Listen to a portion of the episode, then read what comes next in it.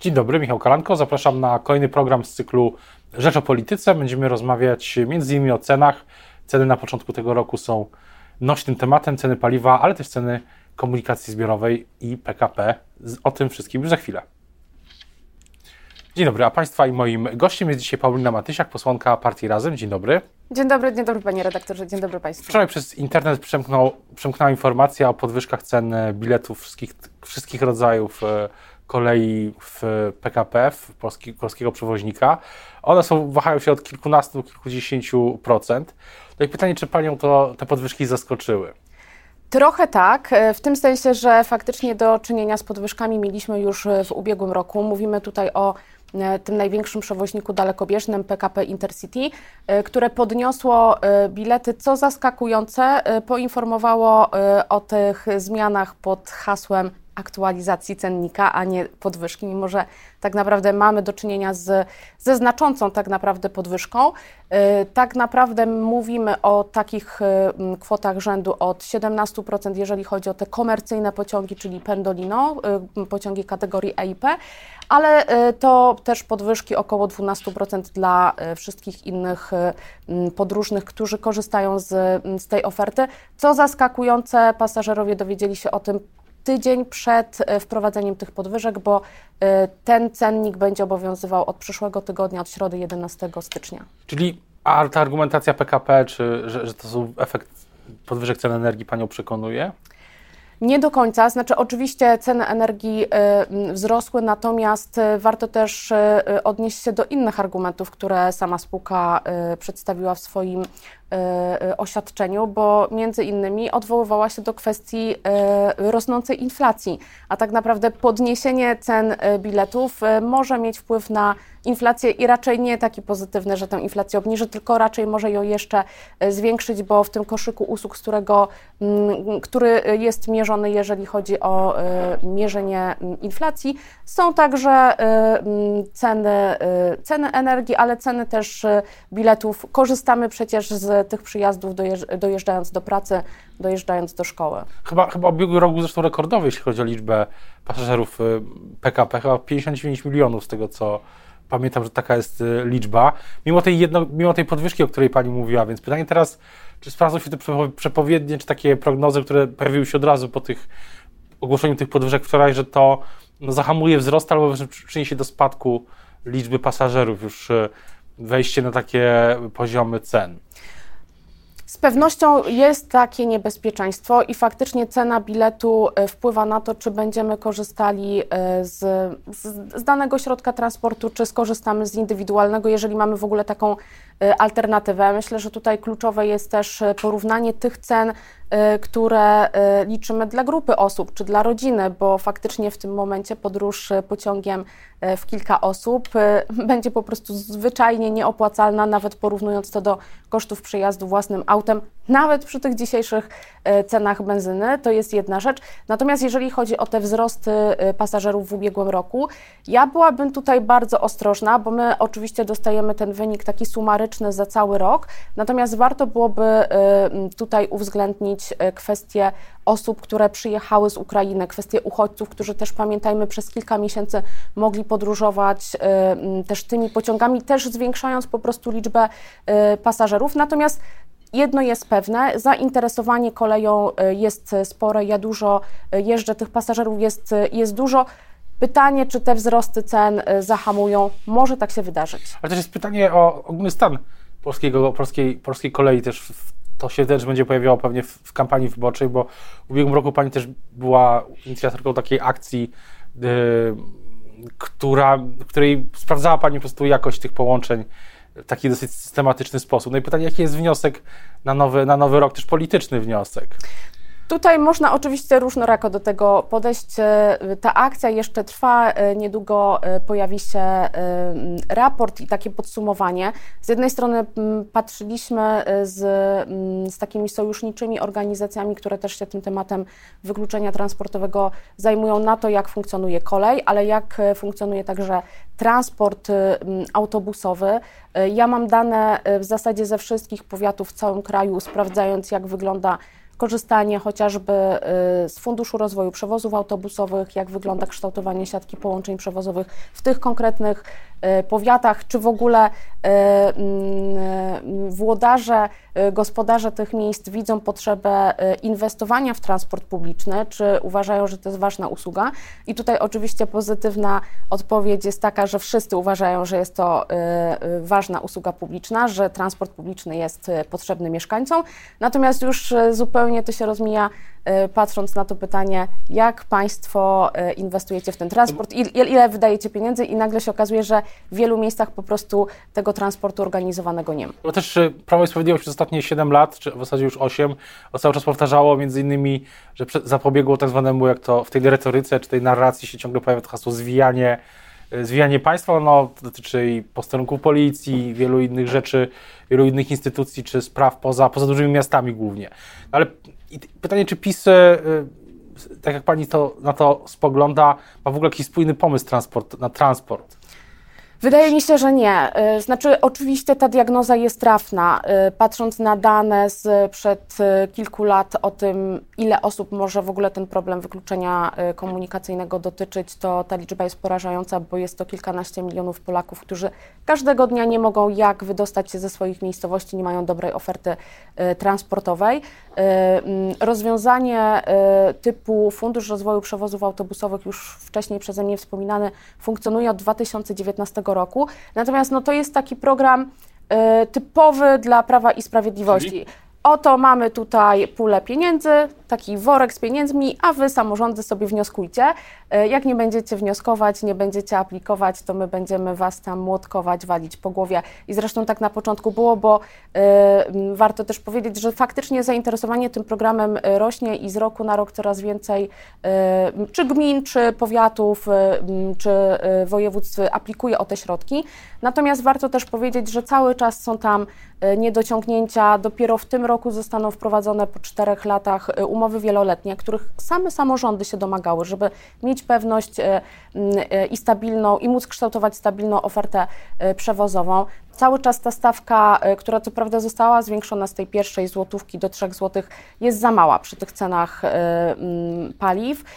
Cały czas jest problem z tym, że nie można uzyskać na przykład pieniędzy na funkcjonujące już połączenia, ale które chcielibyśmy na przykład zagęścić, bo tych połączeń jest za mało. Można dostać dotacje na nowe połączenie, więc tutaj mm, w, w kraju mamy też do czynienia z trochę taką kreatywną księgowością, czyli markowaniem nowych połączeń, wydłużając jakąś linię, o to, żeby dostać y, dotację, bo nie można po prostu dostać na tę konkretną linię, która już funkcjonuje, ale tak, by móc ją po prostu wydłużyć o jeden, dwa przystanki. Myślę, że w tej kampanii wyborczej w tym kontekście Prawo i Sprawiedliwość będzie też mówiło nie tylko o tym, o czym Pani mówi teraz, ale przede wszystkim o CPK że ten komponent kolejowy, transportowy CPK to będzie taki game changer w transporcie w, w Polsce. No i pytanie, jak, jak to, jak to z, z, Pani perspektywy wygląda? Ja myślę, że to jest bardzo ambitny projekt e, i faktycznie e, tych e, no niecałe 2000 nowych linii kolejowych, które ma powstać, to jest bardzo ambitny plan, biorąc pod uwagę, że przez ostatnich 30 lat nie wybudowaliśmy żadnej nowej linii kolejowej, co najwyżej je modernizowaliśmy, więc tutaj ta poprzeczka jest zawieszona, myślę, że naprawdę wysoko. Ja szczerze mówiąc mam y, spore wątpliwości, czy to będzie temat, y, z którym Prawo i Sprawiedliwość będzie chciało wychodzić i go przypominać i y, gdzieś go odmieniać przez przypadki w kampanii wyborczej, bo z tego co, co widzę, to raczej politycy PiSu położyli trochę uszy po sobie. Znaczy, oni boją się tych protestów społecznych, protestów mieszkańców, którzy no, protestują przeciwko rozwojowi tej siatki połączeń, nie chcą linii kolejowych w swoich e, miejscowościach. E, to jest też ciekawe w kontekście tego, że przed chwilą Ministerstwo Infrastruktury, a w zasadzie Generalna Dyrekcja Dróg Krajowych i Autostrad ogłosiła plan rozwoju e, i budowy nowych dróg do 2030 roku, nawet z, z, z rozszerzeniem. Więc mamy sytuację, w której na drogi jak zawsze te pieniądze są, na kolej nie, tutaj jesteśmy uzależnieni od Unii Europejskiej, więc jak najbardziej e, ważne są te środki e, unijne, też środki z funduszu mm, odbudowy. Natomiast to, co jest, e, to, co jest kluczowe w tym temacie, Prawo i Sprawiedliwość nie będzie, moim zdaniem, nie będzie chciało przypominać e, tego tematu. E, ja jestem bardzo ciekawa, ile osób e, zostanie pozbawionych swoich domów, będzie musiało tak naprawdę sprzedać swoją ziemię czy domy pod właśnie budowę tych dróg. W przyszłym tygodniu jest Komisja Infrastruktury, między innymi w tym temacie. Na pewno będę o to pytać. To jest też pytanie o. Ten projekt będzie w jakimś sensie no, może nie zaawansowany, bo trudno mówić o zaawansowaniu, gdy nie rozpoczęły się jeszcze prace budowlane, że tak się wyrażę, samego lotniska. No ale w, w, za 10 miesięcy, gdy, jeśli opozycja przejmie władzę, no to ten projekt będzie już y, na dalekim etapie pla planowania, tak? Te przetargi na te komponenty kolejowe, one się chyba już w tym roku mają zacząć, czy już się nawet Y, zaczęły. Więc za 10 miesięcy opozycja i pani, i partia Razem Lewica staną przed takim, jeśli będą współrządzić, y, czy jeśli opozycja będzie w ogóle y, zmieni się w partię, czy w koalicję rządzącą, no to będzie pytanie, co, co zrobić z tym takim no zaczętym, ale jeszcze nie, nie, nie, nie, nie do końca za, zaawansowanym projektem, mhm. jak cały ten projekt CPK. Pan redaktor ma rację, bo oczywiście z takiej perspektywy y, zwyczajnej, z, zwykłego człowieka, to y, do czynienia z inwestycją mamy wtedy, kiedy już zaczęły się prace, natomiast y, te prace zaczynają się przecież dużo, dużo wcześniej, bo z jednej strony to są projekty, to, są, to jest uzyskiwanie różnego rodzaju zgód i pozwoleń na rozpoczęcie inwestycji, więc to nie jest takie proste, żeby to zupełnie zamknąć, wyrzucić, zwłaszcza, że jestem przekonana, że my potrzebujemy nowych linii e, kolejowych. Ten komponent kolejowy, który e, towarzyszy CPK, on jest ważny, on jest potrzebny, potrzebny, jeżeli patrzymy na tą mapę infrastrukturalną Polski. Zastanawiałabym się, czy faktycznie potrzebujemy aż tak dużego lotniska i czy te marzenia o tym hubie w Polsce nie są przypadkiem przesadzone, zwłaszcza też w kontekście powiedziałabym, systemowych zmian, w, y, w, kierunku których idzie y, Unia Europejska, bo na przykład już wiemy, że y, przez najbliższe lata będą podnoszone koszty, jeżeli chodzi o linie lotnicze kursujące na terenie Unii też... Europejskiej, więc te koszty podróży lotniczych też, też będą się podnosić, więc alternatywą tak naprawdę jest tutaj kolej. A też jest w dużym e, skrócie mówiąc, oczywiście poza tym e, rozwojem sieci kolejowej, tej, której, którą znamy już teraz, czy budową nowych linii, jest też cały ten, nakłada się na to projekt tej takiej dawnej, jak się dawno się określało, kolej dużych prędkości, tak na przykład jeśli chodzi o Łódź, tam, tam są te prace już e, te kolejne projekty się są coraz bardziej zaawansowane, więc za tych paranaście miesięcy no, cofnięcie niektórych z tych rzeczy będzie bolesne, jeśli nastąpi. Szczerze mówiąc, wydaje mi się, że jeżeli e, dojdzie do wycofania się z jakiejś inwestycji, to co najwyżej sam ten projekt, sam ten pomysł może zostać obcięty. Warto przypomnieć, że faktycznie te, te propozycje na kolej dużych prędkości to są to są historie sprzed wielu lat, y, y, opracowania sprzed kilkunastu lat, ten tak zwany Y i szybka kolej.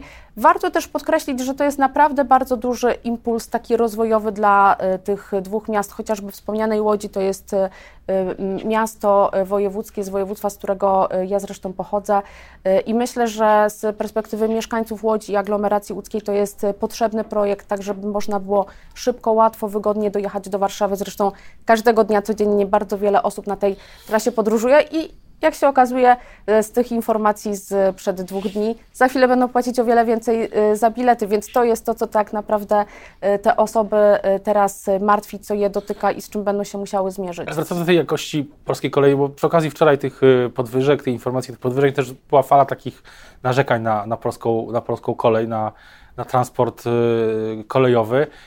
Co, co może być, co jest kluczem, żeby tę sytuację poprawić? Czy jest jakiś jeden czy to jest po prostu kwestia niedofinansowania, czy to jest kwestia, bo jest taka teza, że ta jakość się pogorszyła w, w ostatnich latach.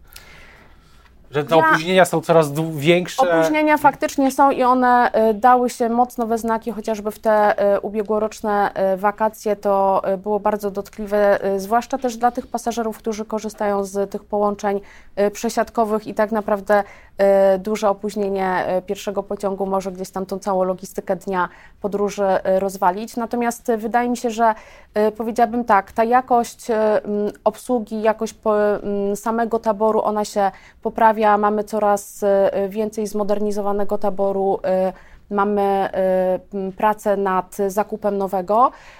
Popracować należałoby nad faktycznie opóźnieniami i tym, żeby te pociągi przyjeżdżały na czas i przyjeżdżały na czas do celu. Ale wydaje mi się, że też kluczem do, do sukcesu jest takie sensowne wydatkowanie środków publicznych, bo my wydajemy bardzo dużo na modernizację y, poszczególnych y, mm, linii kolejowych, a potem otrzymujemy bardzo słabą, otrzymujemy, czy mieszkańcy z, z danych regionów, z danych miast otrzymują bardzo kiepską ofertę, znaczy zupełnie niewspółmierną do tych środków, które zostały zainwestowane w to, żeby y, przystosować no, tę linię. Powinno być odwrotnie, najpierw oferta, a później modernizacja. Tak i to jest myślę, że bardzo duża bolączka, że, że cały czas gdzieś na polskim polskiej kolei pokutuje takie myślenie: mamy pieniądze, trzeba je wydać, trzeba zmodernizować, a potem pomyślimy o ofercie. Warto byłoby e, już e, wcześniej e, mm, o tym myśleć, wcześniej to planować.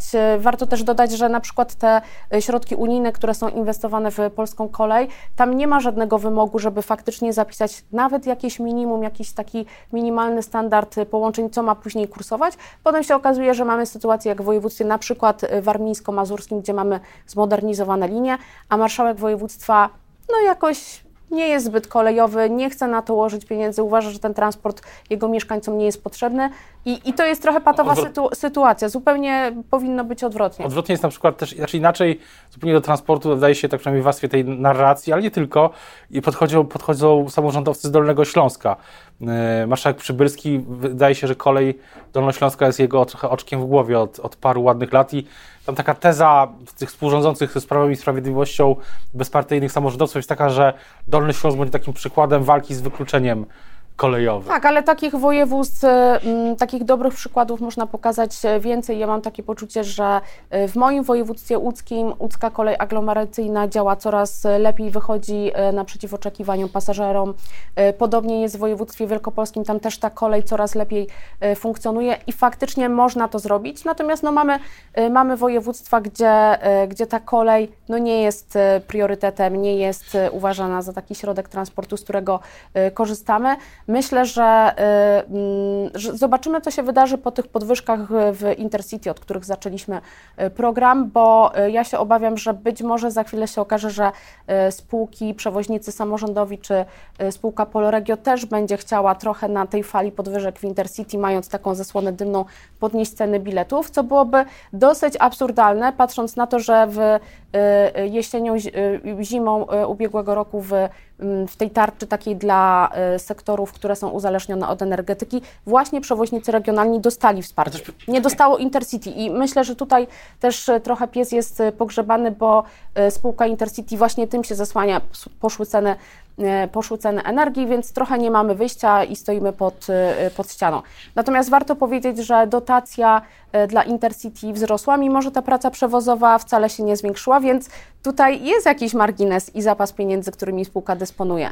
Więc tak naprawdę e, nie wiem, czy nie można byłoby się pokusić o tezę, że e, działa podobnie jak e, Orlen, po prostu podnosząc ceny biletów, winduje swoje, próbuje windować swoje zyski kosztem podróżnych i pasażerów. Jeszcze, jeszcze właśnie wywołała Pani temat Orlenu, bo na koniec jeszcze nie sposób w kontekście transportu nie zapytać o, o tą dyskusję o ceny, wokół cen, cen benzyny. Wczoraj czy przedwczoraj prezes Obajtek tak w zasadzie nieoczekiwanie wrzucił w tej dyskusji temat cen biletów transportu komunikacji miejskiej w Warszawie, bo stwierdził, że e, porównał wzrosty cen biletów w Warszawie do e, do wzrostu cen benzyny, chyba jakaś, było takie porównanie, że... Tak, tak. On w ogóle zupełnie użył nietrafnego porównania, ponieważ e, próbował to cała ta dyskusja odbyła się na Twitterze, próbował przyjść z taką tezą, że E, ceny benzyny nie wzrosły tak jak ceny biletów e, w Warszawie. Natomiast no niestety pan Obajtek chyba nie korzysta z komunikacji publicznej.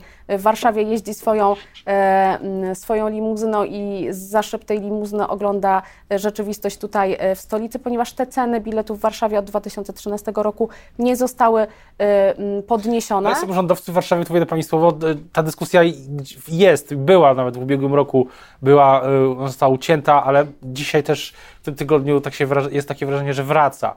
Że, że też pytanie jest, czy na przykład samorządowcy nie tylko w Warszawie nie, nie, nie, nie będą w tej sytuacji, w której dotyczącej paliw, nie będą też y, mieć kolejnych argumentów, żeby, y, żeby ceny biletów podnosić jednak re, realnie. Przede wszystkim w wielu miastach y, w Polsce już w ubiegłym roku dochodziło do podwyżek cen biletów komunikacji publicznej, tej komunikacji miejskiej nawet kilkukrotnie i myślę, że tutaj kluczowe, kluczowe są dwie sprawy.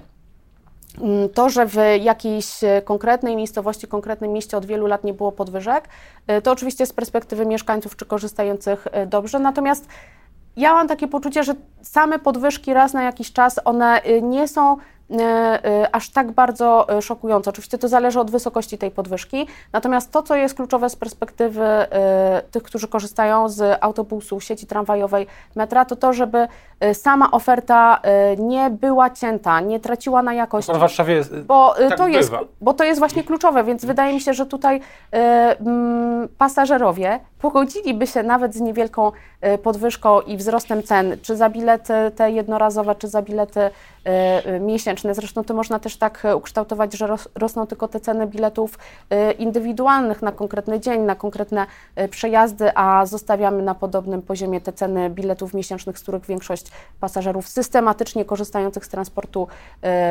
korzysta je kupuje, po to, żeby utrzymać i rozwijać siatkę połączeń. Znaczy, jeżeli my nie podnosimy cen biletu, ale tniemy siatkę, zmniejszamy liczbę kursów, obcinamy przejazdy na przykład w weekend, weekendy albo nie przywracamy takiej standardowej oferty po wakacjach, no myślę, że nikt się z tego nie cieszy. To, to nie jest krok w dobrą stronę. Raczej trzeba zabiegać o to, żeby ta oferta była stabilna, żeby się rozwijała i żebyśmy mogli po prostu wszędzie tam, gdzie potrzebujemy, mogli dojechać. Jest jeszcze krótko pytanie o znaczenie tego, tych wszystkich tematów też w programie wyborczym Lewicy i w, w ogóle w kampanii. Czy, czy to będzie temat e, który będzie nośny, nośny wyborca i na ile też Lewica się do tego przygotowuje jako już blok, blok wyborczy, abstrahując już od tej całej dyskusji. Dla nas, dla Lewicy, też dla Partii Razem ten e, temat e, transportu publicznego jest niezwykle istotny. To jest jedna z tych usług publicznych, która tak naprawdę gwarantuje nam możliwość korzystania z innych usług publicznych, które, na które my też stawiamy. One powinny być rozwijane i powinny być wysokiej jakości.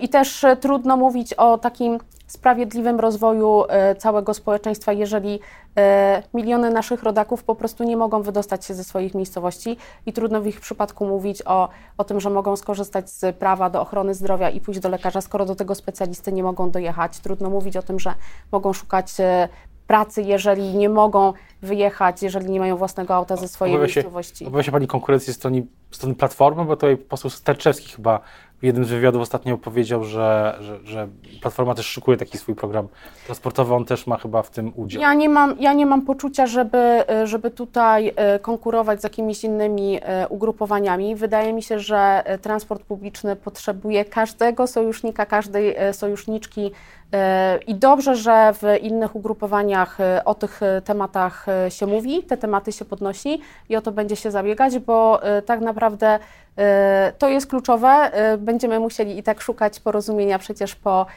po wyborach w rządzie i myślę, że to może być też dobry prognostyk, że faktycznie ten rozwój transportu ruszy bo y, te niedociągnięcia, które y, mamy zarządów y, Prawa i Sprawiedliwości, po prostu trzeba będzie, będzie poprawić. O tym też będziemy mówić w kampanii wyborczej, w, opisując kampanię i o, to, o tym będziemy pewnie mówić już pewnie po wyborach również. Teraz bardzo już dziękuję za rozmowę. Dziękuję bardzo Państwa i moim gościem. Dzisiaj była posłanka Partii Razem Paulina Matysiak. Dziękuję bardzo. Dziękuję.